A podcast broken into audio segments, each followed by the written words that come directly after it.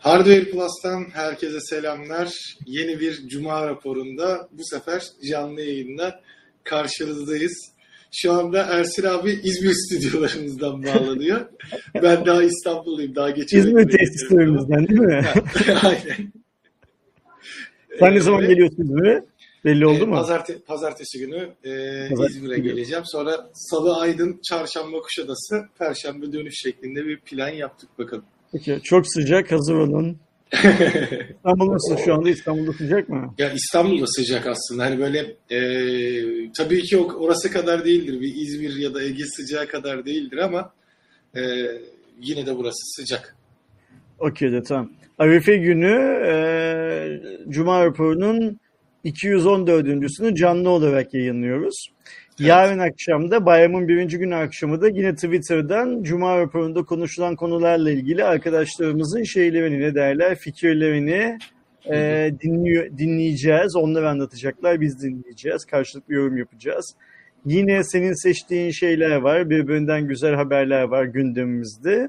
Ama tabii Türkiye'nin gündeminde daha farklı şeyler var. Ee, doktorlara daha doğrusu sağlık personeline uygulanan zulüm demek lazım buna Evet. artık. Ee, geri dönülmez bazı hasarlar veriyor toplumun tamamına. Ee, ülkede bu gidişte evvelde şey kalmayacak ne derler doktor kalmayacak. Öyle Evet, şu anda da zaten e, grevdeler e, bugün ve ya dün ve bugün içindi. Bugün de mi değil? Ben dün sadece dündü diye biliyorum. Yok, iki günlüktü ama tabii İki hani e, hatta bugün şey ortaya çıktı abi mutlaka görmüşsündür. E, Konya'daki bir İmamın. camide vaaz veren Hı hı. bir imamın Her şeyin en iyisini bilen imam kardeşimiz değil mi? Aynen, Şeyin evet. kadın cinayetleri konusunda da maşallah bir fikri var. Çok konuştunuz diyor. Çok konuştuk diyor. Kadın cinayetlerini konuşarak özendirdiğin, özendirildiğini şey yapıyor. Ayrıca sen olsan diyor vurmaz mısın, öldürmez misin diyor. Gittin diyor hastaneye. Ee, iğne olacaksın, bilmem ne yapacaksın filan. Görevdeyiz dediler, yapmadılar. Sen olsan öldürmez misin gibisinden de bir şey söylüyor. Ki Sağ acil servisler açık bu arada. İğne vesaire gibi durumlarda acil serviste yardımcı oluyorlar. Hatta şeyine baktım hani e, hangi birimler açık oluyor diye. Acil servisler açık. Yoğun bakımlar tabii ki her zaman açık. Hani oradaki e, bakım devam ediyor. Bunun yanı sıra Covid-19 ile alakalı herhangi bir teşhis veya tedavi için gittiğinizde yardımcı oluyorlar vesaire. Yani acil olabilecek herhangi tabii ki çocuk acil e, doğum vesaire durumlarının hepsi aslında bakılıyor. Yani bu e, şeyi de bilmeden işte grev konusunu da bilmeden hani hiçbir şey yap ben ölüyorum dediğinde iki gün sonra gel diyecekler e, sanıyor millet. Bir de öyle bir, Bir durum var. Tabii İmamlara karşı da eğer e, fiziki güç kullanılırsa ve imamlar da e, görev yapmak zorunda hissederlerse kendilerini biz imamların da yanında olacağız. tabii ki. Ama tabii ki bu Konya'daki imamın söylediği şeylerin yaptığı konuşmanın elle tutulur herhangi bir tarafı yok. Yani insanlar ne yazık ki bir yerlere yaranma telaşıyla e, bazen kantarın topuzunu kaçırabiliyorlar. En nihayetinde imam da bir devlet memuru. Bunu da unutmamak lazım. E, ve e, çok kötü. Yani halkı bu yaptıkları şeyin daha doğrusu yaptıkları şey dersem çoğunluğu zan altında bırakmış olacağım. Halkı çok teşekkür ederim oğlum. Hava o kadar sıcak ki Doğuş bana su takviyesi yapıyor. Ee, hekimlere karşı, sağlık personeline karşı daha hoşgörülü davranmaya davet etmesi gereken kişilerden birisi olarak gördüğümüz e, din insanları, din adamlarının böyle bir şey konuşuyor olmaları ve bir şekilde yangına körükle gidiyor olmaları şey değil tabii ki, e, hoş değil tabii ki. E, inşallah bu günler de geçecek. E, inşallah bu olayların tamamı şey yapılacak, e, e, durulacak öyle söyleyelim. Umarız. İnşallah doktorlarımız e, hasta yakını şiddetinden korkmadan, çekinmeden mesleklerini yapabilir hale gelecekler. İnşallah kadınlarımız sokaklarda e, başlarına bir şey geleceğinden endişe etmeden yürüyebilir hale gelecekler. Ve inşallah sokak hayvanları e, da sokaklarda sokak hayvanlarına da sokaklarda zulmedenlerin sayısı sıfırlanacak bir şekilde. Ee, sıcak günler, yarın bayram, ülkenin başka gündemleri olması istenir. Sonuçta bayram dediğimiz şey mutluluk öyle değil mi? Evet. Herkes tatile gidiyor en kötü ihtimalle o anlamda mutlu insanlar. Yine, yine Muğla'da kuyruklar oluşmuş Bodrum girişinde. Öyle mi? Ee, Okey. Bir gün erken gelerek iyi yapmışım ama ben gelirken de yol çok kalabalıktı Aydoğan zaten. Dün de çok kalabalıktı yol. Yani ben ilk kez bu İzmir, şu bu İzmir İstanbul dersem bence yanlış söylemiş olurum. Bursa İzmir otoyolunu ilk kez bu kadar şey e, kalabalık gördüm. Yani annem e, İzmir'e taşındıktan sonra defalarca gittim geldim o yoldan. Nitekim hatırlıyorsun annem de zaten İzmir'e yol açıldıktan bir ay sonra filan taşınmıştı. E, hatta senle de bir iki kere gittik geldik o yolda yanlış hatırlamıyorsam. Evet iki kere gittik. İki kere Hatta gittik. üç galiba.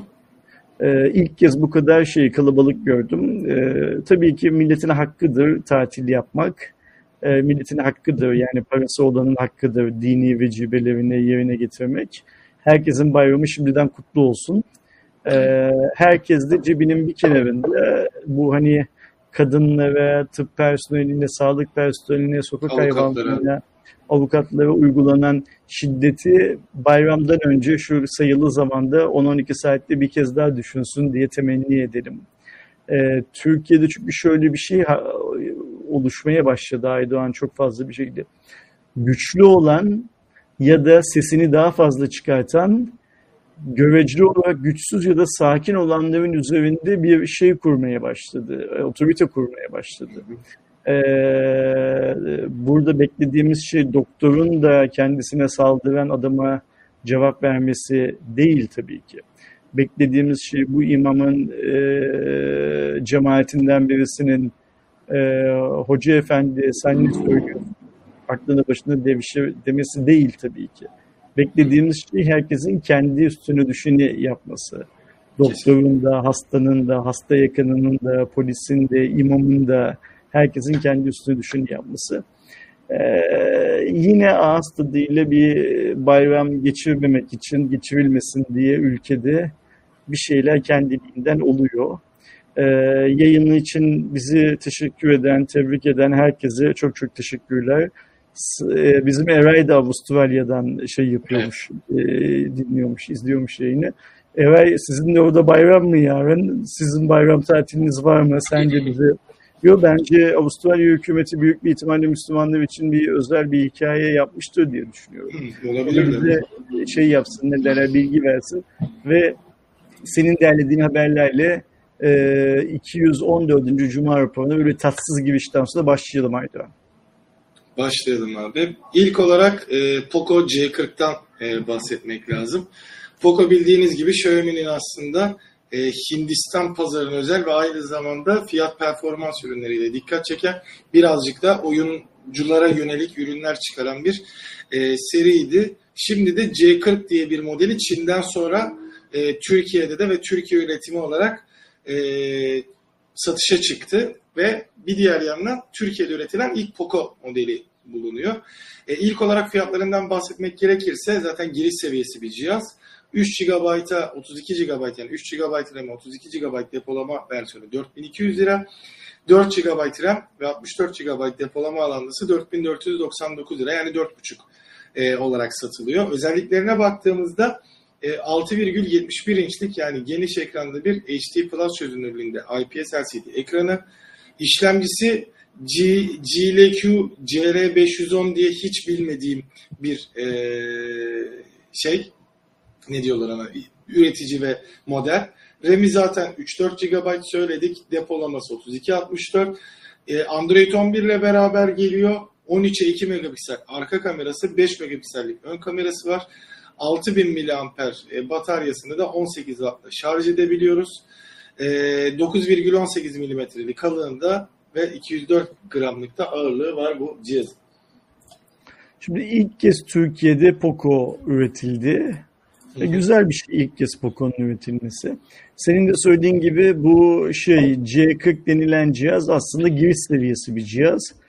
Ve biz giriş seviyesi cihazlarda 4000 liradan hatta giriş seviyesi olan Poco C40'ın 4'e 64 olanı 4499 liradan yani 4500 liradan bahsediyoruz.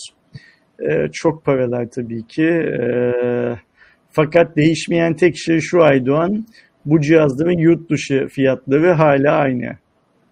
Yani orada değişen herhangi bir şey yok ama Türkiye'de e, çok çok fazla fiyat değişti.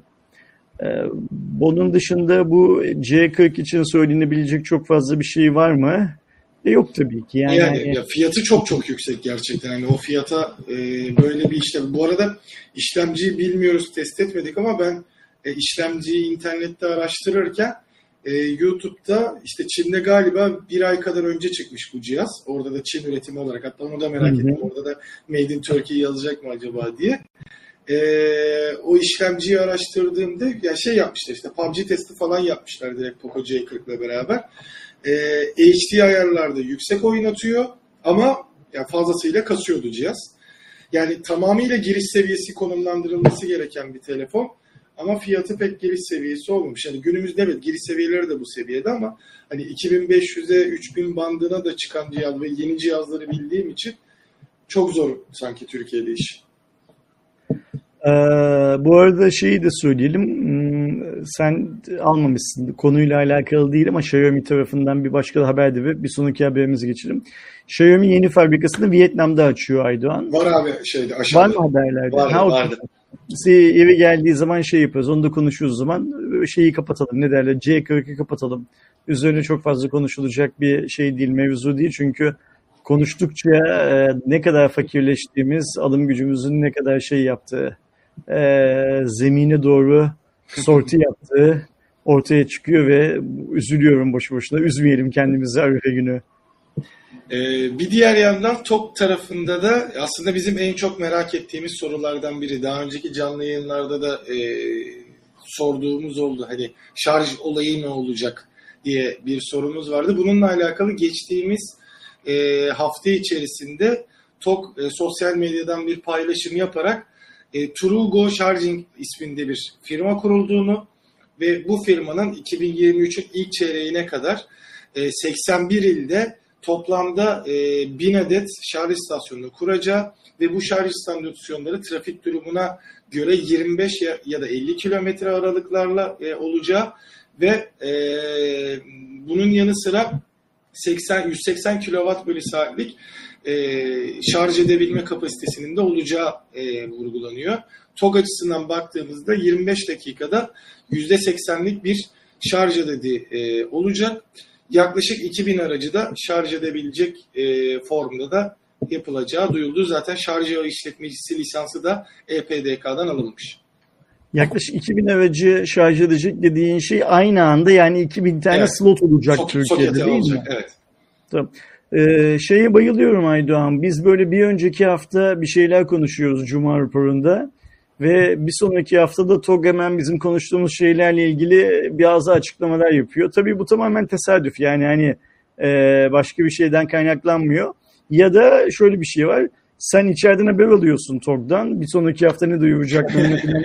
Ben onunla alakalı konu çıkartıp O- Ona göre böyle bir mizansen falan yapıyorsun. Hani şey yapıyorsun. Onlara e, böyle e, pas atıyorsun, asist veriyorsun gibi bir hikaye var. Daha geçen hafta bu şeyi konuştuk. e, şarj istasyonlarını konuştuk. Bu hafta şeyi geldi, haberi geldi.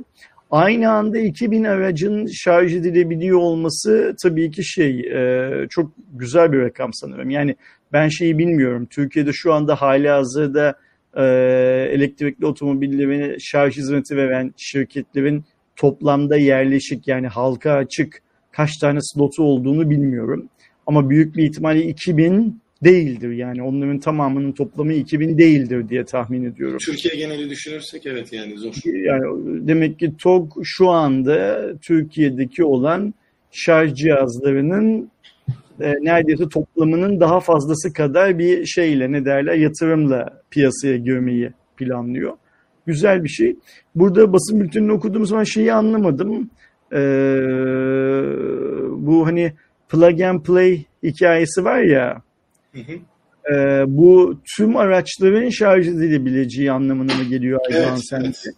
Yani, Yani DC olması önemli değil değil mi? Evet, evet. Zaten şöyle bir durum var. Ee, şarj girişi farklı olan e, Türkiye'de satılmayan Tesla var. Ama zaten çeviricilerle falan kullanabiliyorsun. Ve e, anladığım kadarıyla zaten bu bütün araçlara da açık olacak. Yani sadece TOG'lara özel değil. Ha belki ne olur? TOG'a indirimi olur, bir şeyi olur. Ya da e, Tesla gibi şey yaparlar mı bilmiyorum. İşte ilk satın alan kısmı ömür boyu ücretsiz şarj hizmeti falan filan verecekler mi ya da nasıl bir strateji şey yapılacak ama herkese açık olur. Ve zaten e, ayrıca e, Twitter'daki paylaşımın altında gördüm. Farklı bir internet sitesi paylaşmış. Şu anda EPDK'dan e, şarj ağı hizmeti alan 14. firma olmuş Trugo şarjı. Ben hani e-şarjıyla, Zorlu'nun e-şarjıyla e, Sabancı'nın sonradan e, pardon Zorlu'nun zesiyle Sabancı'nın sonradan ortak olduğu e-şarj hizmetini biliyordum ve hani bu biraz önce de konuştuğumuz işte e, İzmir otoyolunda diyeyim e, çok fazla ZES görülüyor. Özellikle Manisa çevresinde hem yerli üretim hem yüksek hızlı şarj istasyonlarını falan filan görebiliyorduk. Bunlarla beraber düşündüğümüzde Türkiye genelinde gerçekten hani İstanbul'dan, işte İzmir'den, e, ne bileyim Aydın'dan, Muğla'dan çıkan biri Ardahan'a kadar gidebilme ihtimalleri ortaya çıkıyor. Çünkü büyük ihtimalle Trugo'nun e, açacağı yerlerde tahminimce diğerleri de yatırım yapacaktır. Oradaki doluluk oranına göre şey yapılsın diye. E bir de şey bekleniyor. Hani sürekli uzuyor gerçi o bir türlü gerçekleşemedi ama Tesla'nın kendi süper şarj istasyonlarının da hı hı. açılması bekleniyor. Ama mesela lisans alanların arasında galiba o yok şu anda. Bunlar da tamamlandığında gerçekten hani ülke genelinde sorunsuzca bir şey olacaktır. Umarım şöyle bir şey olur. Ee, bu istasyonların yapılacağı yerlerde dinlenme tesislerinin de e, bu planda yapılması bence çok mantıklı olur. Çünkü e, Türkiye'deki şu anda yapılan bütün dinlenme tesisleri işte hani benzin alıp gitmek ya da yemek ihtiyacını karşılamak üzerine ama elektrikli araçların e, işte o şarj edilme süresi minimum işte 20 dakika maksimum 1-1,5 saate varan şekilde olduğunu düşünürsek e, bir en az yarım saat kalacak şekilde bence orada bir düzenlenmesi de e, farklı bir şey olabilir. Onu da düşünmüşlerdi diyelim. Yine TOG'u ilgilendiren bir haberle e, devam edeceğiz değil mi şeye Cuma raporuna? Hı hı. Aslında TOG evet. üzerinden çıkmış ama birçok farklı şeyi e, yapan e, şey diyelim. E, biliyorsunuz işte yine geçtiğimiz hafta konuşmuştuk. E, birazcık TOG'un da önünü açmak adına olduğu düşünülen e, ÖTV düzenlemesi yapıldı elektrikli araçlarda ve işte kilovata göre fiyatlar değişti. En çok merak edilen konulardan biri TOG gelmeden önce şu anda bu dilime hangi araçlar düştü, hangi araçların fiyatları arttı. Aslında çok büyük bir farklılık göremiyoruz en azından şu anda piyasadaki araçlarda. Örneğin Hyundai'nin Kona elektrikli fiyatı %13 düşerek 922 binden 111 bin 523'e geriledi. Bir diğer yanda hani en azından bir farkı görebildiğimiz e, araçlardan biri de Mini'nin elektrikli versiyonuydu. O da 135 kW'da olduğu için %60'tan %10'a geriledi ve yaklaşık 1 milyon 200 olan fiyatı 825 bine gerilemiş oldu. Ee, bir diğer yandan hani Türkiye'de yeni yeni e, görmeye başladığımız hatta ben de İstanbul içerisinde bir iki kere gözüme çarpan e, Series 3 ile Skywell ET5 de işte e, özellikle Series, Series 3 1 milyon 170 bin lirada 920 bine düştü. ET5 de 915 bin TL'den başlayan fiyatlarla satılacak. Ama bunun dışında Renault Zoe etkilenmedi. Türkiye'de en çok kullanılan özellikle e, bu dakikalık araç kiralama hizmetlerinde falan da çok fazla gördüğümüz e, Mercedes'in ve BMW'nin de lüks kategorisinde olduğu için onların %60'lık dilimleri hiçbir şekilde değişmedi. Şimdi burada e, Hyundai'nin yani burada dediğim Türkiye'deki elektrikli araç hikayesinde Hyundai Kona'nın bir şeyi vardı. Hmm, haklı bir popüler, popülaritesi vardı. Şimdi bir de yeni yapılan TOG için olduğunu yapıldığını varsaydığımız düzenlemeyle Kona'nın fiyatları biraz daha ucuzlamış oldu. Doğru anlıyorum değil mi? Evet, evet. Okey yani hani şey 100 bin liraya, 110 bin liraya yakın indi. TOG'a işte TOG çıkıncaya kadar e, konu almayı planlayanlar için en azından biraz daha ekonomik bir şey ortaya çıktı. Seçenek ortaya çıktı. Evet. Güzel, süper. Ee, inşallah hükümet e, elektrikli otomobildeki vergileri daha da aşağıya doğru çeker ve e, benzin motorlu ya da dizel motorlu araçlar değil de elektrikli araç almak Türk halkı için daha mantıklı bir seçenek haline gelir. Tabii ki buradaki mantık sadece parayla alakalı değil. Koca Türkiye için, 81 il için baktığımız zaman aslında 2000 tane şarj slotu çok fazla bir şey ifade etmiyor. Onu da kabul etmek lazım. Başka başka şirketlerin de pazara girip yani şey e, araç şarj edecek şirketlerin de pazara girip e, burayı zenginleştirmesi gerekiyor. Bundan sonra da TOG'a biz bu sefer şey yapalım sipariş verir mesela önümüzdeki haftada bize şeyle ilgili bir açıklama yapsınlar mümkünse. E, bu teknik servis olayı ile ilgili bir açıklama yapsınlar. Öyle ya biz Cuma raporunda bir şeyler söylüyoruz. Onlar kalkıp şöyle bir anlaşma yaptık, böyle bir anlaşma yaptık falan diyorlar. Mesela önümüzdeki haftada yani bayramdan sonraki hafta tabii şimdi beyler şey yapıyordurlar, tatil yapıyorlardı. Bu bayram tatilinde e, açıklama yapacak falan takatleri kalmaz. Bayramdan sonraki hafta e, servis anlaşmasında imzaladıklarını, servis içinde kurdukları şirketin adını, sermayesini, Türkiye'de toplam kaç tane servis noktası olacağını, aynı anda kaç tane aracı servise kabul edebileceklerini, kaç kişinin çalışacağını filan duyursunlar da o merakımızda şey olsun bari, e, gidebilsin bari. Ki zaten hani bir de şey de vardı, e, sosyal medyada özellikle ortaya çıktı işte. TOG'un e, yüksek hız yani şey şehir içi diyeyim daha doğrusu ya da e, trafikte mi demek daha doğru olur? Açı, trafiğe açık alanda heh, daha doğru oldu şimdi. E, hız testlerinin de yapıldığına dair bir iki video ortaya çıkmıştı.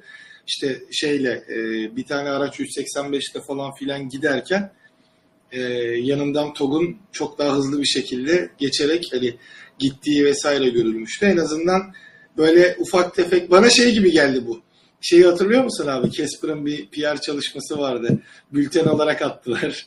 Ee, Metroda evet. telefon mu kullanıyorlardı Erdoğan? Öyle bir şey değil mi ya bu? Bize şöyle bir durumda bilmeyenler için hatırlatalım. Ee, işte bize gelen bültenlerde Casper için e, Casper'ın yeni cihazı metroda görüntülendi diye geldi. Casper'ın ajansı böyle profesyonelce çekilmiş. Metroda böyle eli kapanmış kamera kısmı görünen klasik hani yurt dışında yeni şu cihaz bu cihaz görüntülendi gibi sızıntı haberini kendilerinin yaptığını görmüştük. Bence bu da birazcık öyle bir durumdur. Değilse o videoyu çeken e, arkadaşın Emniyet Genel Müdürlüğü'nden ceza yemesi lazım. Çünkü kendisi 185 ile giderken çekiyor ve kendi hızını gösteriyor yani. 185 ile gidip e, hızla TOG'un geçtiğini fark edip onun TOG olduğunu anlayıp telefonu çıkartıp çekip bir de hızı gösterebilecek kadar serilik zor bulunur. Ya da fark edip peşine takıldı artık bilmiyorum ama en azından testlerin yani, yapıldığı ve gittiğini 85'e gidilecek yol yok. Mutlaka cezayı hak ediyor diyorsun. Tok evet. şoförü hak etmese bile çeken hak ediyor diyorsun öyle mi? Aynen. Hani tok şoförü izinli yani, gidiyordur zaten. E, her iki araca da ceza kesilmesi lazım. E, o ayrı mevzu ama şöyle bir hikaye var Erdoğan. Senin bu söylediğin mizansen hikayesine e, katılıyorum. Ayrıca TOG yöneticilerinin bugüne kadar yaptığı şeylere baktığımız zaman bunun mizansen olması da e, bizi şey yapmıyor. E, ne derler şaşırtmıyor. Fakat şöyle bir şey var. Bizim Murat, Murat Tosun yani araba habercisi web sitesinin e, sahibi olan Murat Tosun hafta içi e, bir tweet attı. Fotoğraf falan yok ama bugün trafikte bir TOG'la karşılaştım gibisinden bir şey yazdı. Hmm. Yani hani bu video mizansen olsa da e, Murat'ın yazdığı şeyin mizansen olacağını şey yapmıyorum. Çok fazla e, tahmin etmiyorum. Demek ki birden fazla belki araç şu anda bir yerlerde deneniyor. Ee, ya da e, her şey mizansen biz hiçbir şeyin farkında değiliz. Bilmiyorum tam evet, olarak. Şeyi görmek lazım mesela özellikle e, buradaki sevindirici noktalardan biri e, ben o işte haberleri görüp duyduğumda her zaman özellikle otomobil e, inceleyen otomobil editörlerinin diyeyim işte videolarını yazılarını ben küçüklüğümden beri o eski dergi zamanlarından beri kendim takip ederdim. E, meraklıyım bir diğer yandan otomobillere. Şey hep e, eleştirilirdi hani mesela sallıyorum Volvo için işte İsveç e, şartlarına göre yapmış ama Türkiye'de yaşayabileceği zorluklar ya da işte mesela e, BMW'nin, Mercedes'in amortisörünün iyi olduğu işte e, Münih'teki lansmanda söylenirken Türkiye şartlarındakinde o amortisörün de kurtaramadığı falan filan durumları e, söylerlerdi oradaki e, kişiler. En azından buradaki şarta göre yapılacağı için hani e, Türkiye'deki yollara da en uygun araç olacak herhalde diye düşünüyorum Togun ama, Ama. Aydan bir yandan bu söylediğine haklısın. Bir yandan da şöyle bir şey var. Üretim tesisleri modernleştikçe Türkiye'deki fabrikalar da e, yurt dışına ihraç ettikleri arabalar yaptıkları zaman o ülkenin şartlarına göre yaptıklarını biliyoruz. Yani burada şöyle söylemek lazım. Mesela Corolla mesela. şey ne uyduralım? Fiat diyelim, işte Albea diyelim. Ee, Türkiye'deki fabrika bilmiyorum Albea üretiyor ama ürettiğini varsayalım. Albea ürettiği Albea Türkiye'de satılacaksa e, işte süspansiyon sisteminin farklı. Yok işte atıyorum İtalya'da, Almanya'da, şurada burada ihraç edilip orada satılacaksa o ülkeye göre ayarlanmış bir şekilde ürettiklerini de biliyoruz. Ee, yani Ben bunu böyle bir şey bilmiyordum mesela. Evet evet yani bunu fabrika müdürleri, Türkiye'deki otomobil fabrikalarının üretim direktörleri vesaire vesaire e, bunu şey yapıyor. Ha, şunu bilmiyorum sadece. Almanya'dan gelen araba Türkiye'de satılacak diye özel bir şey yapılıyor mu? Onu bilmiyorum ama Daha Türkiye'de, boş paketi geliyor o ayrı da. Türkiye'de yapılan üretimler hangi ülkede satılacaksa o ülkeye göre kastimize ediliyor zaten. Onu biliyoruz. O yüzden e, TOG'da da muhtemelen e, bu tarz şeyler ihracat şansı yakalanırsa mutlaka şey yapılacaktır. Ne derler? Servis edilecektir diyelim. Ee, sıradaki haberimize geldiğimizde aslında e, yayına girmeden önce de Türkiye versiyonu da duydum. Onu ayrıca e, söylerim. AMD'nin yani AMD'nin e, bir siber saldırıyla 450 GB'lık bir veri e, çaldırdığı e, ortaya çıktı. E, şirketin para karşılığı saldırganlardan e, elde ederek e, Ransom House'la beraber yapıyor. Amaç aslında şirketten para kurtarmak. E, onlar da işte 450 GB'lık bir veriye sahip olduklarını e, ama bu verinin tabii ki kişisel veri değil AMD bir teknoloji firması olduğu için Zen 5 ve RDNA 4 gibi e, yeni projelerin e, çizimleri vesaire e, olduğuna dair bir iddia var. E, bununla alakalı şu anda e, resmi bir açıklama yok. E, ama böyle bir şey var. Türkiye'de de e, KVKK'nın bugün açıkladığı detaya göre TEDAŞ'tan bir e, veri sızıntısı olmuş. Yani orada da bir diğer gelişme de mevcut. Artık yani elektrik de kullanırken verimiz gidiyor.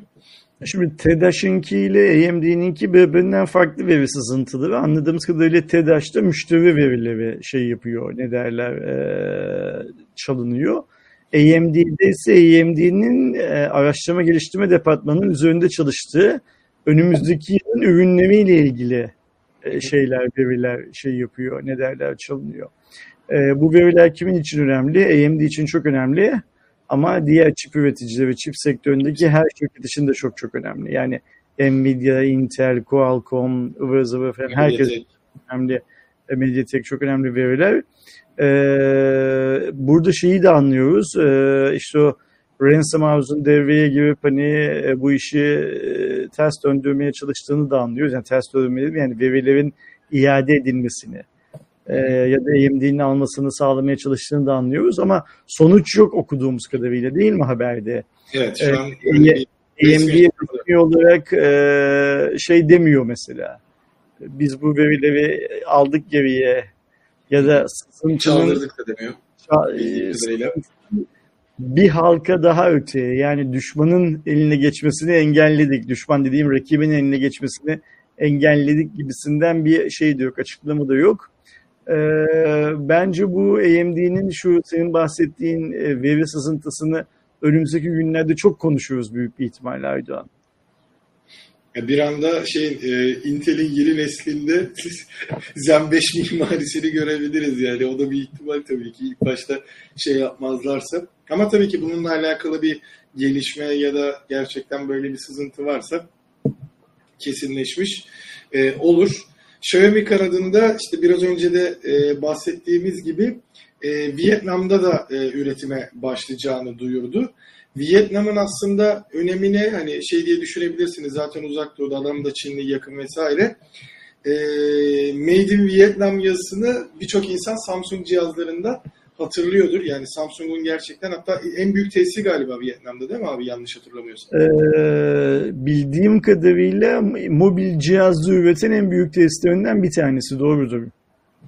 E, Yani bu burada da Çin'deki fabrikayı kapatmak zorunda kalması sonrasında evet, oradaki Vietnam'daki yatırımını daha da büyüttüğü, daha da üretken hale getirdiğini biliyoruz. Öyle söylemek lazım aslında. evet.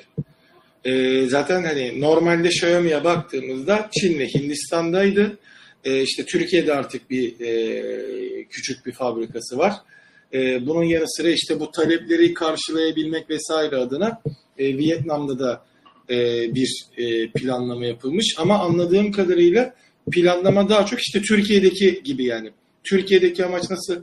Türkiye pazarına hem üretim yapabilmek hem hani shipmentlarda çevreye kolay dağıtmaksa orada da Hı. birazcık daha e, Vietnam halkına ya da Vietnam çevresindeki e, bölgelere e, bölgesel bir üretim yapmak acı- amacıyla yapılmış. E, ve işte mesela çevrede de söylenen Malezya ve Tayland gibi e, Malezya ve Tayland. Zaten hani şey açısından baktığında işte Malezya, Tayland, Vietnam, Türkiye vesaire gibi ülkelere baktığımızda şu anda Türkiye'de Xiaomi'nin ürettiği e, cihazların şeylerini göreceğiz anlamına geliyor. Yani giriş seviyesi uygun fiyatlı üretim merkezi olabilir e, Vietnam'daki. Ancak Aydan burada bir de şöyle bir durum var. Ee, Vietnam hala işçilik maliyetlerinin Çin'in çok altında olduğu bir pazar. Ve Vietnam aslında belki elektronik anlamında e, hani bir Tayvan'la Çin'le yarışacak kadar elektronik üretimi yapamasa da tekstil ürünleri anlamında çok büyük bir üretici. Yani işte bu Adidas, Nike, Puma vesaire gibi markaların çoğu ürünleri yani hop ayakkabı bilmem ne filan dahil Vietnam'da üretildiğini varsayarsak aslında üretim konusunda deneyimi olan da bir ekosistem ve e, işte biz bu haberi e, Nikkei Asya'da okumuştuk şeyi hmm, Xiaomi'nin Vietnam'da fabrika açtığını haberini. Orada yapılan yorumlara göre e, bu açtığı fabrikanın yani zaten Xiaomi fabrikaları kendisi açmıyor yani bir başka şirketle birlikte operasyonu üstleniyor. Vietnam'daki fabrikanın e, üretim kapasitesinin önümüzdeki yıllarda çok fazla arttırılabilme ihtimalinin de şeyde tutulduğu, e, ne derler, e, elde tutulduğu düşünülüyor. Çünkü hmm, Vietnam'daki fabrikanın alanı çok büyük Aydoğan. Mesela sen Xiaomi'nin avcılardaki fabrikasına gittin, biliyorsun onun büyü- büyüklüğünü. Vietnam'daki fabrika 200 bin metrekare. Ee, avcılardaki fabrikanın herhalde yanına yanaşamayacağı kadar küçüktür. Öyle tahmin ediyorum. Yani metrekareyi daha önce bültenlerde gelmişti ama kaçtı hatırlamıyorum da 200 bin değildi tabii ki. Aynen öyle. Yani o yüzden hani e, tab- tabii bu orada şöyle bir şey var haberlerde deniliyor ki mesela bu bildirilen fabrika alanının ne kadarı kapalı alan o bilgi yok şeyde e, Vietnam kaynaklarında da yok anladığım kadarıyla. Yani bomboş bir alan ve üzerinde bir baraka mı? Ee, şöyle bir farklılıkla söyleyeyim şimdi e, maillerimden kontrol ettim. Türkiye'deki 14 bin metrekare. Okey yani Türkiye'dekinin o yaklaşık 15 misli büyüklüğünde bir alandan bahsediyor. 15 misli olsa 210 bin metrekare yapar. Demek ki 14 misli büyüklüğünde bir bir yerden bahsediyoruz. Ee, mesela sen bize Türkiye'dekinin büyüklüğünden yola çıkarak 14 mislinin bir futbol sahası kadar olup olamayacağını söyleyebilir misin? Daha büyük. Yani şöyle e, söyleyeyim. İşte yakında mesela İFA vesaire düzenlenecek. Galiba o bütün alan 200 bin metrekare falan yapıyordur yani büyüklük olarak baktığında. Yani buradaki tek şey bilinmeyen şey, şu anda duyurulmayan şey şu. Bu 200 bin metrekarelik alanın ne kadarı kapalı alan, ne kadarı açık alan vesaire vesaire. Ve eğer Hı. Xiaomi e, buradaki üretimini daha karlı bir hale getirebilirse e, Çin'deki üretiminin bir kısmını Vietnam'a kaydırabileceği söyleniyor. Bu da senin haberi verirken söylediğin işte Made in Vietnam e, şeyini, ibaresini bizim belki önümüzdeki yıl çok çok daha fazla göreceğimiz. E, şunu da unutmamak lazım. E, bu büyüklükte bir fabrika benim bildiğim kadarıyla e, Vietnam'da yok. Yani 200 bin metrekarelik bir şey, elektronik fabrikası, elektronik üretim merkezi yok. Samsung'unkünün o kadar büyük olmadığını zaten Vietnamlı kaynaklar yazdılar. Galiba Samsung'unki bunun söylendiğine göre ölçüsel olarak değil ama e, beşte dördü kadar filan gibi bir şeymiş. Yani buna yakın ama bu kadar büyük değil gibi bir ibare var anladığım kadarıyla. O yüzden önümüzdeki dönemde şeyi hazırlıklı olmak lazım gerçekten. E, belki Made in Turkey yazan, Made in Vietnam yazan başka başka markaların ürünlerine de hazırlıklı olmak lazım. Tabii ki. Kesinlikle. Bu arada yine şeye de baktım gerçekten merak edip 200 bin metrekareye denk geliyormuş diye. Vietnam şey e, Vatikan'ın yarısı ediyormuş. Yani Vatikan iki tanesi yan yana koyunca bir Vatikan yaptığını e, gördüm. Xiaomi'den devam ettiğimizde zaten canlı yayını da yaptık. Daha sonrasında biz e, Eren'le beraber değerlendirmesini de yaptık. E, Huawei'den e, kopan e, Leica e, yeni şeyli olarak partneri olarak Xiaomi'yi seçmişti biliyorsunuz ve Xiaomi'de bir lansman yaparak ki iki buçuk saat süren bunun iki saati Leica ile alakalı kalan yarım saati diğer ürünleriyle alakalı olan lansmanından sonra 3 modelle beraber resmi olarak e, bu ortaklığa başladılar. Xiaomi 12 ve 12 Pro'nun aslında e, ufak tefek gelişmelerle tabii ki kamera tarafındaki Leica lenslerini kullanmak e, yanı sıra asıl ürünün 12S Ultra olduğunu da e, gördük. Hatta sunumlarında vesaire de zaten işte üzerindeki derinin e, Leica kameralardaki e, o deri yapısına benzer olduğu işte kamera yapısının klasik kamerayı andırması falan gibi göndermelerle yaptılar. E, buradaki en önemli e, yanlardan biri benim dikkatimi çeken bir paylaşılan fotoğraflar 12 ile 12S ile de 12S Pro ile de 12S Ultra ile de gerçekten mükemmel gözüküyordu. Yani e, ufak tefek hatalar da belli oluyordu, şey oluyordu. Bir diğer yanda Xiaomi'yi e, dürüstlüğüyle tebrik etmek lazım. Neden? Çünkü lansmanda bir e, iPhone'la kıyaslama çok yaptılar. Yani Xiaomi 12S'i iPhone 13 ile 12S Pro'yu iPhone 13 Pro ile kıyasladılar. 12S Ultra'yı da Pro Max'te kıyasladılar. Ee, Birçok noktada işte sunumu yapan e, kişi o sırada fotoğrafları özellikle değerlendiren kişi ki o sırada zaten CEO değerlendiriyordu yanlış hatırlamıyorsam. Ee, mobile tarafın ürün müdürü, ürün pazarlama müdürüydü o hanım. Ee, doğru Legion değil şey e, bir hanımefendi değerlendiriyordu ve iPhone'un da ne kadar güzel çektiğini söyledi. E, batarya konusunda örneğin 12S Ultra ile iPhone 13 Pro Max'i kıyasladıklarında Pro Max'in daha uzun süre e, kullanım ömrüne sahip olduğunu tek işaretle bunu da orada açık açık gösterdi. Yani Sezar'ın hakkını Sezar'a vererek bir lansman yapıldı. Bir de bu sürecin yani Leica e, Xiaomi ortaklığının nasıl geliştirildiğini gösterdikleri bir video vardı. Ve e, bu videoda e, Xiaomi'nin e, yapay zekadan ve aynı zamanda fotoğraf ekibindekilerin algoritmayla e, uğraşan ekibin ne kadar zorlandığı, Leica'nın ilk başta fotoğrafları hiç beğenmediği vesaire gibi böyle hı hı. dürüstçe sekanslar kullanmışlardı. O beni etkileyen kısım oldu ama e, sunum inanılmaz sıkıcıydı. O ayrı bir durum ama sıkıcının olmasının sebebi bir Çince üzerine tek tonda yapılan seslendirme.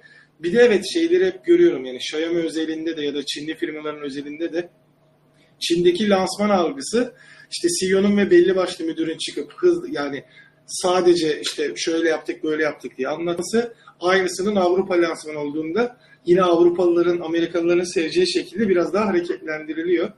Ee, son olarak 12S ile 12S Pro'nun Xiaomi 12 ve 12 Pro ile e, farklarına baktığımızda bir tabii ki megapiksel olarak aynı değer olsalar da e, Leica'nın elinden geçen ve içerisindeki aslında optikleri Leica tarafından geliştirilen optikler olması. Sensörlerde de 12S ve 12S Pro'da aslında e, 12S'te de e, 12 Pro'nun e, sensörü kullanılıyor. 50 megapiksellik sensörler 735 oldu IMX. E, bunun dışında e, Xiaomi 12S Pro'nun 12 Pro'dan ekran farkında LTPO yerine LTPO 2 AMOLED'e geçiyor. Bu, bu sayede bir erze kadar düşebiliyor. Ee, ve bunun dışında da aslında büyük bir farklılıkları yok. Hani asıl iş kamera e, konusunda olacak ki yakın zamanda en azından Çinli e, influencerların ya da Çinli yayıncıların e, 12S Pro ile 12 Pro'nun kıyaslandığı ya da iPhone'ların kıyaslandığı fotoğraf örneklerini görmeye başlarız. Ama 12S Ultra gerçekten son dönemde beni en çok heyecanlandıran telefonlardan biri oldu. Özellikle oradaki kareler gerçekse. Ve 1000 Ee, dolar. Fiyat, Ya, onu söyleyeyim. Fiyatlar ucuz değil. Onu kafadan şey yapalım söyleyelim. Yani Amerika ve dünya için, Çin için de ucuz değil fiyatlar. Ee, bir de sen bu hani dürüstlük dedin ya Xiaomi'nin sunumdaki dürüstlüğü. Xiaomi gerçekten çok dürüst davrandı sunumda ve e, telefonların ön kameraları ile ilgili hiçbir şey söylemedi. Üç modelden bir tanesinde de video ile ilgili herhangi bir şey söylemedi. Ben bunu şey diye anlıyorum. Üç modelin üçünde de ön kamera yok. Ee, bir tanesinde de sadece video çekme şeyi var. Ne derler? Kabiliyeti var. Diğer ikisinin video çekme kabiliyeti O yok. galiba şey abi o Leica'nın birazcık em, ayarlaması olabilir. Çünkü Huawei'nin de çoğu zaman mesela ön kamerası da iyi olana kadar Leica ortaklığı başladığında hep sadece fotoğraftan bahsetmişti. Ee, en son Mate 40 Pro'da ya da bir önceki nesilde P40'da falan videodan bahsedildi. Ondan Mate önce 40 Pro'da. Mate 40 Pro'daydı değil mi? Videonun ne kadar iyi olduğundan bahsedilmişti. O bir Demek denizde ki- yapılan de- denizde yapılan çekimleri falan göstermişlerdi. Hı hı, evet, evet, evet, evet. Şimdi Ee, buradan şunu bir durum. çıkıyor tabii ki. Ee, demek ki video yani Huawei cihazlardaki video gelişimini Leica değil Huawei yapmıştı. Leica kendi know-how'ını, bilgi birikimini e, Xiaomi ile paylaşırken video konusunda herhangi bir bilgi birikimi olmadığı için onu paylaşamadı demektir. O yüzden de Xiaomi bu lansmanda işin sadece fotoğraf tarafına odaklanmayı, videoyu yokmuş gibi değerlendirmeyi seçti. Büyük bir ihtimalle Xiaomi'nin yazılım ekibi bir yıl boyunca durdurak bilmeden videoyu adım etmeye çalışacak. Ve önümüzdeki yıl yapılacak olan lansmanda e, Leica kameralarla, pardon Leica modüllerle ne kadar iyi videoda çekilebildiğini Huawei'nin de bir iki yıl gecikmeli olarak yapabildiği gibi bizim önümüze sunmaya çalışacaklar. Evet, ben ama şeyi de merak ediyorum mesela işte ben 12S Pro'nun e, özellikle e, video çekim sonuçlarından e, memnunum. E, bunda şey olacak mı? E, şimdi yeni lenslerle çalışıldığı için e, video tarafındaki kalitesinde ne olacağını çok merak ediyorum. Ve e, bir yazılımsal değişiklik olur mu diye bekliyorduk. Çünkü Xiaomi'nin en büyük e, aslında son dönemde toparladı. Son 1-2 modeldir toparladı diyebiliriz. E, fotoğraf yazılımıydı. Gcam dediğimiz işte Google'ın kamera uygulamasıyla modlanması vesaire baktığımızda onunla alakalı da ekstra bir bilgi verilmedi ve oradaki videolardan baktığımızda yazılım hemen hemen aynı duruyor. En azından arayüz bazında aynı duruyor. Sadece şöyle bir durum var.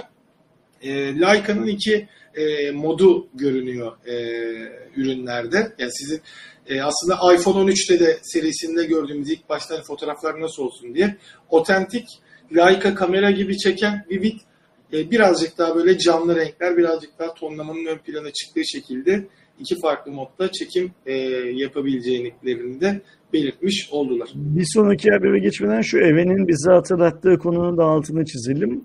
12 Pro Dimensity 9000 e, Plus'la gelecek. Yani şöyle Yani- aslında 12S Pro değil, e, 12S Pro ile 12S 8 Plus Gen 1 ile geliyor. Onlar hı. ilk cihazlar gibi oluyorlar. Bizim klasik 12 Pro'nun da bir Dimensity versiyonu çıkıyor. E, o da işte Dimensity 9000 Plus'la beraber geliyor. Yani Aynen. birazcık daha e, şeyli ama farklarından biri de bu arada 12 Pro ile 12 Pro'nun Dimensity farkında. Bütün özellikleri aynı. İşlemci dışında anladığımız kadarıyla MediaTek yüksek hızlı, ya aşırı yüksek hızlı diyebileceğimiz şarjı desteklemediği için e, 120 miliamperle değil 67 wattla şarj oluyor. Bataryası da 5000'in üzerine çıkarılmıştı. Tam miliamperini hatırlamasam da daha yüksek batarya. E, yine e, farklı bir şarjla beraber gelmiş oldu. Yeter bu kadar Xiaomi konuştuğumuz. Ee, zaten Vietnam'da da fabrika açıyorlarmış. Bizim onlardan esas beklentimiz Türkiye'deki fabrikayı geliştirip tüm dünyaya Türkiye'den ürün göndermeleriyken işçiliğin Türkiye'den bile ucuz olduğu bir yer bulup gidip parayı 200 bin metrekarelik alanı oraya ya- şey yapıyorlarmış. Ne derler? Kur- kuruyorlarmış. E, gel daha bilimsel bir başka habere geçelim. E, bu çünkü önümüzdeki yıllarda, günlerde, önümüzdeki yıllarda bizi çok meşgul edebilir bir şekilde. Evet. Ee, son dönemde özellikle bilimsel tarafta nasıl önceden e, eski bilim kurgu filmleri ön plana çıksa da günümüzde de yeniliklerle hep niyeyse Black Mirror'ın bölümleri e, kıyaslanıyor. Çünkü işte e, aslında var olan çalışmaları yapılan şeylerin üzerinden gittiklerini de düşünüyorum böyle yıllarca konuşulmak için. E, aynı zamanda yeni sezonu da gelecek onu da söylemiş olalım. Black Mirror'ın bir bölümünde akıllı kontak lens vardı hatırlıyorsunuz. Video kaydı yapabilen hatta işin en e, psikopatça tarafı e, lensten geçmişe dönük şeylere de bakabildiği vesaire durumları olan. Anılara, durumlara. Evet. Hani şey durumu da var şimdi o e, konuya geçmeden onun e, şeyini de söylemiş olayım. Sen şunu söylemiştin, söylememiştin diye hatırlanmayan şeydi.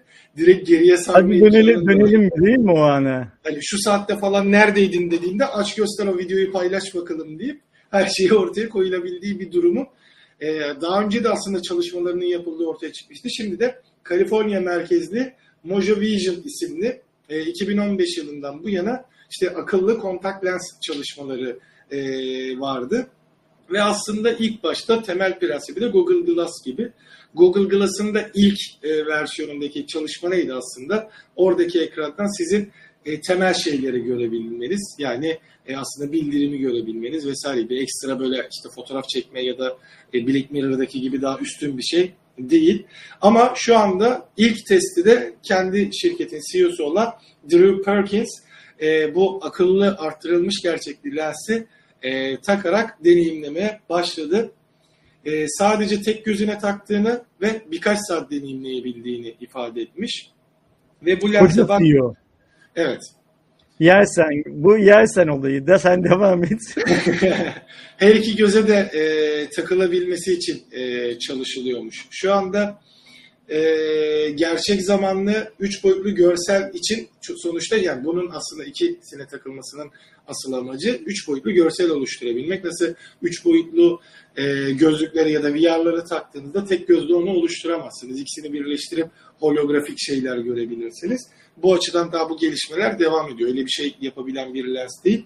Verilen bilgilerde ARM'ın M0 işlemcisi bulunuyor.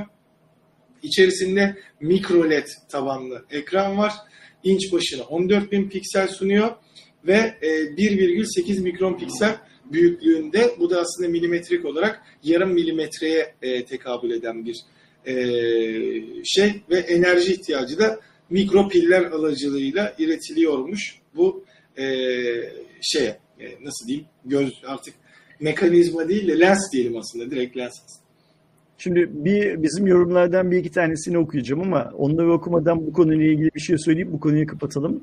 Bu gerçekten e, bilim tarihinde, dünya bilim tarihinde önemli bir eşik olabilir. Senin biraz önce verdiğin örnekleri de yola örneklerden yola çıkacak olursak. Haberi okuduğumuzda anlıyoruz ki bunun e, herhangi bir sağlık sorunundan öte e, insanların dijitalleşmesi yolunda yapılan çalışmalardan yani hani o IoT dediğimiz cihazların aslında insan vücuduna entegre edilmesinden yola çıkılarak hayata geçirilen bir proje bu. Hayata geçirilen bir fikirden yola çıkılarak ürün haline döndürülen bir şey. Yani sen bir göz bozukluğun için öncelikle böyle bir şeye ihtiyaç duymuyorsun bugünün şartlarında. Sen buna bu teknolojiye sahip olmak için o lense ihtiyaç satın alıyorsun. Yani aynen e, 4G, 4.5G ile hiçbir işi olmayacak bir adamın gidip 4.5G destekli telefon alması ve 4.5G'den çok faydalanacak olan bir adamın gidip 4.5G telefon alması filan gibi bir şeyden bahsediyoruz. Hı hı. Hiç fotoğraf çekmeyen bir adamın Leica kameralı fotoğraf makinesi alması, şey, cep telefonu alması ve fotoğraf çekecek olan bir adamın alması gibi şeylerden bahsediyoruz. O yüzden çok çok önemli. Şimdi yorumlara gelecek olursak da şöyle bir şey var. Ee, sen bizim canlı yayını Formula 1'in test sürüşleriyle aynı saate şey yapmışsın. Ben o saati fark, et, fark etsem ben koymazdım. Ee, ve Max işte zaten biz bunu şeyde konuştuk ne derler Telegram grubunda konuştuk. Ee, senin bu işin farkında olmadığını, test sürüşlerinin saatinin farkında olmadığını ee, arkadaşlar yani, söylediler. Sürüşü yapıldı da yani. şeyi unutmuştum. Ben bu haftanın e, sprint haftası olduğunu unuttum ve sprintte işte cuma günü sıralama turu yapılıyor. Hı hı. Cumartesi sprint me, me, me, me, şey. Nexelenmiş e, ka- kanunu Daha söylüyor. fazla Selim e, Ha, söyle. E, en azından Kaan abi fazla detay vermesin de şey yayından sonra direkt tekrarını baştan sonra izlerim ben. Tamam. Selim de diyor ki bu biz biraz önceki işte şu Qualcomm, e, Xiaomi cihazlardaki Qualcomm Mediatek işlemci ayrımından bahsederken bence diyor bu yılın amiral gemisi işlemcisi Mediatek Dimensity 9000 seviyesi ama Qualcomm lobisi öyle kolay kolay yedirmez pastayı diyor. Burada şöyle bir hikaye var. Şimdi e, işlemci konusunda kötü bir zamandan geçiyoruz ya. Geçen yıl da çok fazla bir yenilik yoktu. Ve benim anladığım kadarıyla 2023-2024 planlarında markalar e, bu kötü dönemi Qualcomm'a bir böyle şey olarak, sopa olarak kullanma hazırlığındalar Erdoğan. Yani şimdiden e, önümüzdeki yıl her markadan, her markadan kastım tabii ki Samsung değil. E, ama işte Xiaomi'de, Vivo'da, Realme'de, Tekno'da vesaire vesaire daha çok Mediatek işlemci göreceğimizin, bu yıl gördüğümüzden daha çok Mediatek işlemcisi göreceğimizin sinyalleri zaten şey yapılıyor, e, veriliyor. Çünkü markalarda 8 Gen 1 gibi e, ürün çok kolay kötü şekilde ürün kazanan işlemciler yüzünden kendi satışlarının azalmasını şey yapmıyorlar, e, istemiyorlar. O yüzden de büyük bir ihtimalle önümüzdeki dönemde Mediatek'e biraz daha fazla şey yapacaklar. Ee, ne söyleyeyim? Fırs- fırsat tanıyacaklar. Aynen öyle. Ya ben, ben de şöyle düşünüyorum aslında. Ee, o lobi olayı bence de e, kalmamaya başladı. E, Mediatek'in şu an tek yapmaması gereken hata yapmamak. Çünkü Hı hı. e, ortaya çıkan ürünlerde mesela e, işte şeyi düşünelim. E, hatta e, senin de o konuda sözüm vardı. Mediatek G serisini çıkardığında G serisine kadar Mediatek sadece ucuz işlemci üreten bir firmaydı. G serisinin iyi olduğunu mesela Xiaomi dünyaya kanıtlamış oldu. İşte Redmi'lerde vesaire kullanarak. insanlar kullandı etti. Şu anda hani şey yapmama hiçbir yorumda görmüyorum. Ee, işte Mediatek'in G bilmem kaçı var dediğimizde ya bunu kullanacaklarına Snapdragon şu kullansın diyen kimse çıkmıyor. Çünkü Mediatek G serisinin iyi yapabildiğini artık kanıtladı. Şimdi sıra Dimensity'de. Dimensity ile alakalı en, en ufak kötü bir şey görmedik. Ama Dimensity'li çok fazla ürün de görmedik. Bunu en fazla globale e, sunmaya başlayan yine aslında Xiaomi kanadı. Türkiye'deki iyi ve Dimensity'li cihazları düşündüğümüzde galiba sadece Xiaomi'li, te, Xiaomi markalı telefonlar var. E, işte mesela biraz önce Eren'in de hatırlattığı gibi 12S Pro'nun e, aman 12 Pro'nun daha doğrusu Dimensity 9000 Plus'ta versiyonu e, 8 Gen 1'in önüne geçerse ilerleyen dönemde e, globalde de çok fazla Dimensity'li cihazlar görmeye başlarsak o zaman işte o sopa zaten kendi kendine Snapdragon'ın başına çıkmış olacak. Bakalım göreceğiz. Bu arada atladığımız yorumlardan bir tanesi de Eren'in yine e, SE'ye gelen Apple'ın SE'ye Türkiye'de yeni bir zam yaptığı ile ilgili e, şeyiydi, yorumuydu. Onu da sen şimdi Eren deyince şey yaptım, aklıma geldi. 13.499 lira olmuş başlangıç fiyatı iPhone yayınlayamadan Yani daha bir önceki zammı insanlar şundan bir bir ay önceki, 3 hafta, 4 hafta önceki zammı insanlar şey yapamamışken, hazmedememişken Apple Türkiye e, tek bir modele bir zam daha yapmış. Bu iyi bir yöntem. Böyle hepsine birden aynı anda zam yapıp Aydoğan gazeteleri iPhone fiyatlarına zam geldi filan diye haber olacağına arada böyle 2-3 haftada böyle tek tek itele zamları. Zaten şeyle beraber yaptı şu an o SE'yi çok fark eden olmaz. Çünkü e, aslında sitenin kapanıp açılmasının nasıl sebebi şeydi. E, M2 MacBook'lar, M2'li e, MacBook Air'ların Türkiye'de ön siparişi açılmasıydı. O ara e, S'yi de sıkıştırmışlar araya. Ver, ver, ver bir yanak dedi yani Apple Türkiye öyle mi o ara? Şu an yine iPhone 11 ile aynı fiyata denk gelmiş oldu. Normalde ben e, şeyde var 10 bin yani şöyle söyleyeyim arkadaşlara bu önümüzdeki e, hafta içerisinde e, bizim yeni işte e, ikinci yarı listemiz e, çıkacak. Ben yine listeleri hazırladım ve daha ne zaman çarşamba günü çektiğim liste bugünden aslında bir bir şeyle ürünle beraber fiyatı ciddi oranda değişmiş oldu. Onu artık açıklamalara not olarak düşerim arkadaşlar. Ya da aslında e, düzeltebilirsek ama yok sesle falan şey oluyor. Tamam açıklamalara not olarak düşeceğiz. Geç bir sonraki haberi. Gelelim e, bir sonraki habere. Niyeyse işte Türkiye'de satılmamasına rağmen e, en fazla soruyu sunu duyduğum telefonun yeni versiyonu çıktı. O da Asus'un ROG Phone 6'sı ya da ROG Phone 6 diyelim ve Pro versiyonu var ama e, Asus'un daha öncekilerde de böyle Plus'tır, Pro'dur aradaki farkları çok küçük tutardı. Bunda da öyle yapmış. Ee, ilk başta ROG Phone 6'nın özelliklerini söyleyeyim arkadaşlara. 6,78 inçlik AMOLED bir ekran kullanıyor. 8 Plus Gen 1'i kullanıyor. Ee, bir diğer yandan 12 GB RAM, 256 GB depolama alanına sahip 50 megapiksellik bir IMX776 ana sensör kullanıyor. Yani burada aslında ROG Phone'u e, oyuncu telefonu iken kamerayı sallamıyor durumunda bir toparlama yaptıklarını görüyoruz. Ön tarafta da IMX663 12 megapiksellik sensör yer alıyor. 6000 mAh bataryaya hızlı şarjla 65 watt e, şarj getirmişler. Tabii ki yine eski nesillerde olduğu gibi şekilli şukullu bir e, tasarımı var ve 1000 euro fiyatı var. Pro modelini almak isterseniz 18 GB'a çıkıyor RAM. 512 GB depolama alanına çıkıyor. Arkada da e, LED animasyon yani işte Aura, e, Aura'ydı doğru Asus'un. E, Aura aydınlatmasıyla beraber geliyor ve sizden 300 lira daha talep ediyor Asus Kanada. Yani bu ROG Phone hikayesi senin de söylediğin gibi çok soruluyor e, Türkiye'de. Ben bu fiyatlarla Türkiye'de satışa çıksa kimsenin alıp alamayacağını bilmiyorum. Yani Şimdi mesela 1299 Euro'ya şu e, ROG Phone 6 Pro 18'i 512 GB'lık cihaz Türkiye'ye gelse muhtemelen 2500 Euro'ya filan satılacak Türkiye'de. Ve insanlar o parayı verecekler mi? Yani açık hava Türkiye'nin en pahalı şeyi olacak, telefonu olacak. Ben etrafımda o parayı verecek adam tanımıyorum. Bu birincisi. İkincisi de Asus'un şu an Türkiye'de bir cep telefonuyla ilgilenen departmanı yok. Cep telefonuyla ilgilenen insanları yok. O yüzden gelmiyor zaten şeyden.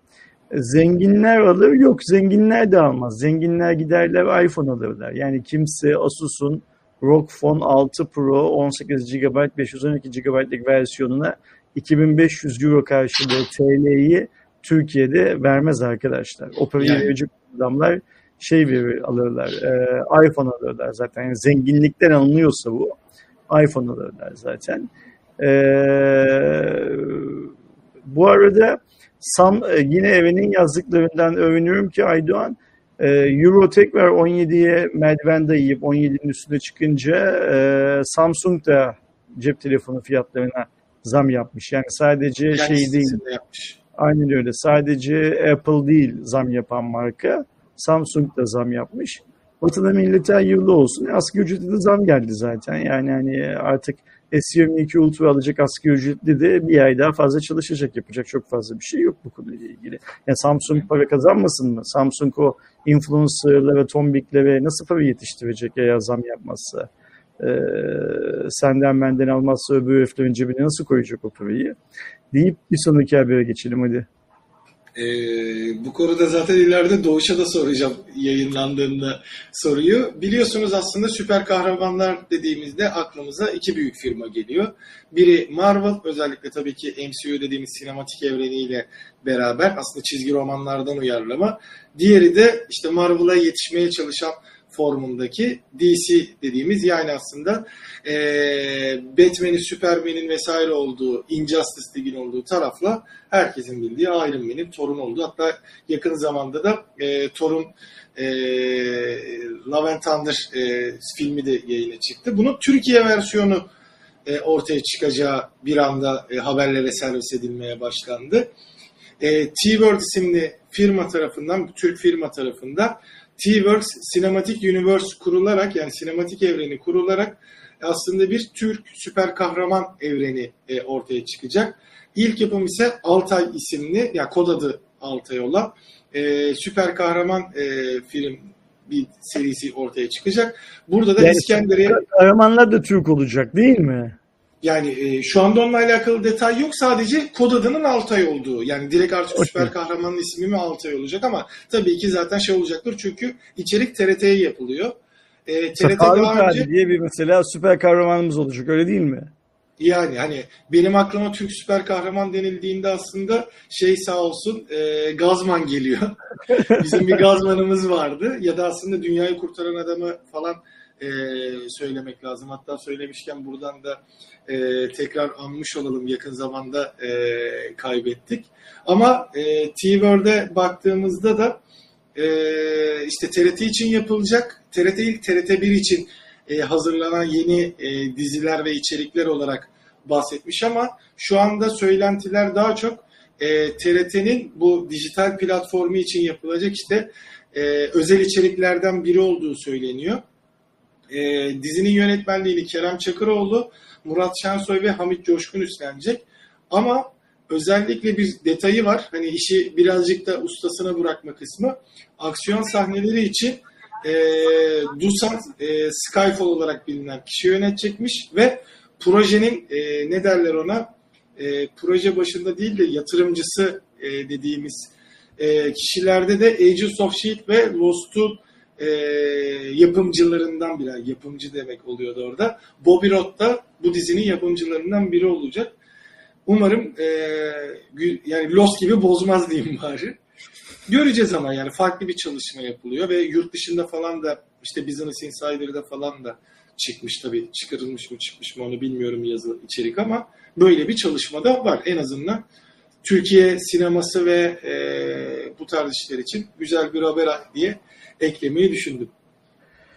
Ya şimdi Aydoğan burada şöyle bir sorun var. Ben e, DC'den, e, Marvel'dan falan kapı açıldıktan sonra geri kalanını takip edemiyorum konunun. Yani e, çünkü çıtayı o kadar yukarıya koyuyor ki bu işi yapan arkadaşlar her kimse. E, öbür tarafta yani Marvel dediğimiz yerde 100 yıla yakınlık neredeyse bir şey var, e, birikim var çizgi romanlardan ta başlayarak. Yani İkinci Dünya Savaşı öncesinde bu adamlar yayıncılığa, bu işin yayıncılığına başlıyorlar ve neredeyse o kültürü iki şirket karşılıklı birbirleriyle rekabet ederek yaratıyorlar ya. Ee, biz şimdi e, biz de bir tane süper kahramanlar pro- şeyi yaratı çıkartıyoruz. Ee, platformu çıkartıyoruz ve süper kahramanımız da işte sence Gazman bence Fuat abi olacak gibi bir şey var, durum var. Yani hani e, o yüzden bilemiyorum. Hayırlısı deyip geçmek Ve istiyorum. Şey, e, Armağan'ın söylediği çok doğru. Bizim e, ya sorunumuz aslında yapamamak falan filan e, konusundan çok kültürel e, şeyi. Mesela e, Netflix'te Yani Malko, Şey- Malkoçoğlu'nu, Malkoçoğlu'nun yanına mesela bir tane gay e, savaşçı verebilir misin Türkiye'de? yani aslında bizim o Malkoçoğlular, Tarkanlar bizim süper kahramanlarımız. Yani bir anda 3-4 tane ok atan birinin süper kahraman değil de ne olmasını bekliyoruz da şöyle bir durumu var zaten.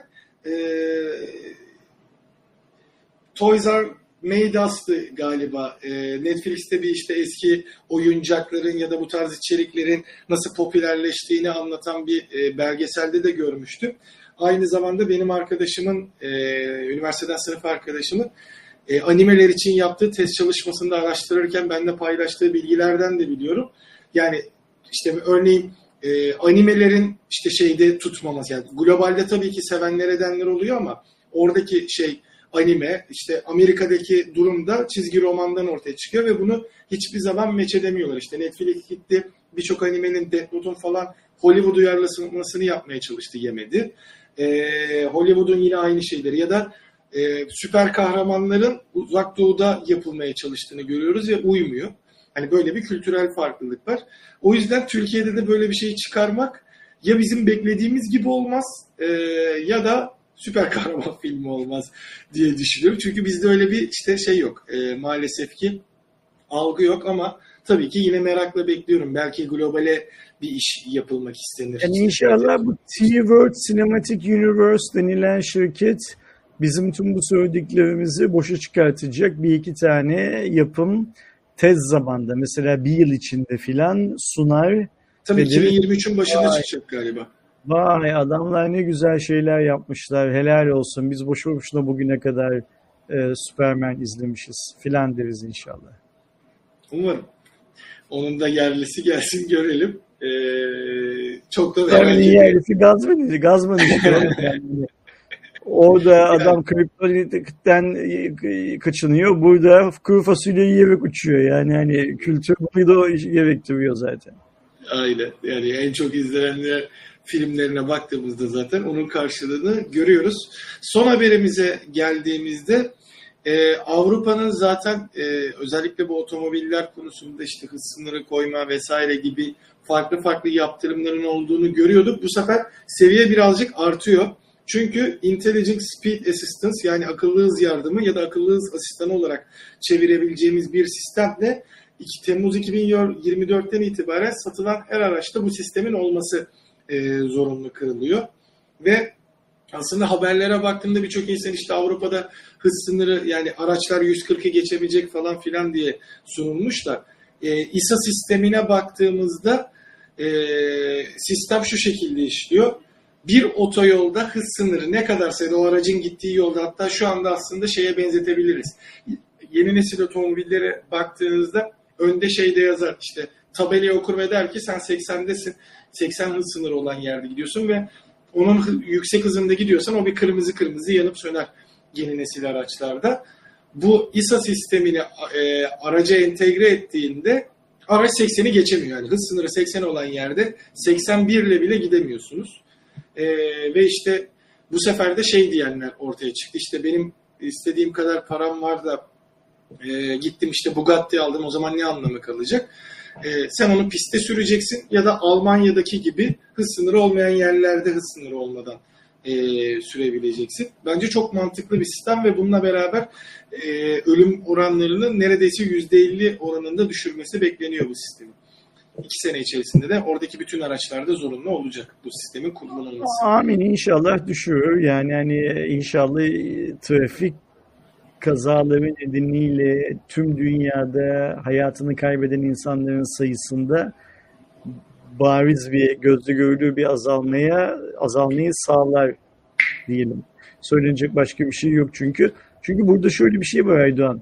Ee, şimdi buna benzer teknolojiler geliştiriliyor da hükümetlerin ve halkların da e, kurallara uyuma, kurallara uydurma konusunda kararlı olması gerekiyor ya işin bir diğer yanında da. E, ve biz ne yazık ki bugün günümüzde trafik kazalarından can kaybının olmadığı ülke bilmiyoruz. Her ülkede trafik kazalarından insanlar e, hayatlarını kaybediyorlar. Ve tabii bizimki gibi çok fazla olanlar var. Gerçekten kaza olanlar var bir de. İşte o gerçekten kaza olanlarda ne olacak mesela bu yani bu iş gerçek kazaları engelleyebilecek mi? Yoksa bizimki gibi terör, trafik terörü, trafik cinayeti dediğimiz sistemlere mi sadece iyileştirme getirecek? Göreceğiz ne olursa canı ama tabii ki bir şeylerin olması iyi. Böylece Cuma raporunun, Arife günkü Cuma raporunun, 214. Cuma raporunun sonuna geldik. Evet. Yarın akşam biz Twitter'da katılacak olan arkadaşlarla bugünkü Cuma raporundaki konuların üzerinden bir kez daha geçeceğiz. Ee, ben birazdan bizim Telegram grubumuzda Cuma raporunun konularının linkini paylaşırım. Sen benimle daha önce paylaştın. Ben henüz orada paylaşmadım ki arkadaşlara e, konular sürpriz olsun diye. Yayını kapat kapatmaz hemen paylaşacağım şimdi. Yarın gece de yine saat 11'de e, Twitter üstünden şeyleri konuşacağız. Onların konuyla ilgili neler düşündüğünü konuşacağız. Bu arada kusura bakmayın benden böyle yoldan sesler falan geliyordur büyük bir ihtimalle. E, odanın içi çok sıcak olduğu için balkon kapısını açık bırakmak zorunda kaldım. pencere çıktı. Bir de e, Kim e, Poco F4 e, GT yok şey. özür diliyorum. F4 GT değil miydi? Evet. F4 GT ben de kullan- o kadar fazla model çıkartıyorlar ki gerçekten şu an benim de bir kafam karıştı da F4 GT olması lazım. e, kullanmak ister seviyemiz devam ediyor. Ben seviyeye katılım için gerekli formu bulacağınız listi, linki e, chatte paylaştım arkadaşlar. Eğer siz de Poco F4 GT kullanmak istiyorsanız, isterseniz cihazı bir hafta kullandıktan sonra görüşlerinizi gelip Hardware Plus stüdyosunda kameralar önünde anlatmaya niyetiniz varsa lütfen formu doldurun. Bayramdan sonra çünkü cihazı e, bir arkadaşımıza vereceğiz ve onun kullanmasını kendisinden rica edeceğiz. Neden sizden birisi olmasın diyeyim. Ee, yarın akşam şeye katılıyor musun? Müsait misin Twitter hikayesine?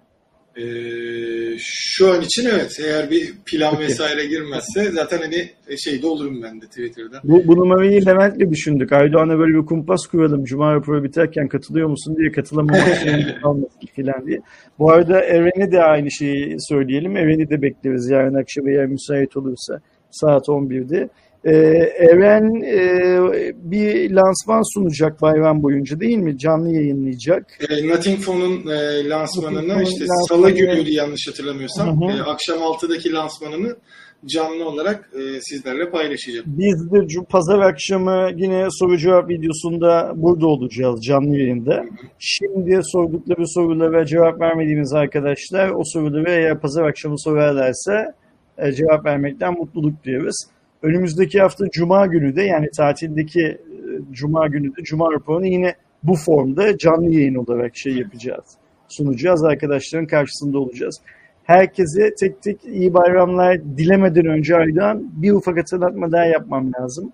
Chat'te bir ara e, bir ab- e, abonelik hediyesi filan tarzında bir muhabbet döndü. E, biz ne olduğunu tam olarak bilmiyoruz. Yani Hardware Plus ekibinden ya da Hardware Plus'ın tasarladığı, planladığı bir atraksiyon değil. Ama anladığım kadarıyla bir takipçimiz bazı katıl üyesi olmayan arkadaşlarımıza katıl üyeliği hediye etti. Öyle tahmin ediyorum bunu. Ee, yeni katıl üyesi arkadaşların da arkadaşlarımızın da e, YouTube kanalımızdaki topluluk sayfasından e, katıl Telegram grubunu bulup. E, katıl Telegram grubuna bir an önce şey yapmalarını, e, katılmalarını ben peşinen tavsiye ederim. Onun sonrasında da e, Aydoğan Bey'den bayram dileklerini alalım ve yayını kapatalım. E, Valla zaten her şeyi özetlemiş oldun. Herkesin e, bayramı yani zaten e, yayının başında söylediğimiz gibi biraz e, kötü haberlerle giriyor olsak da insanların sevdikleriyle e, buluştuğu güzel bir en azından kafa dinleme ve aynı zamanda işte bu aile toplanması durumu olur diye umalım iyi bayramlar diyerek sonlandırmış olalım. Önce pazar günkü canlı yayında diğer türlü önümüzdeki hafta e, yine haftanın gündemini canlı olarak değerlendireceğimiz sıradaki Cuma raporunda görüşünceye kadar kendinize çok iyi bakın. Hoşçakalın. Hoşçakalın, iyi bayramlar.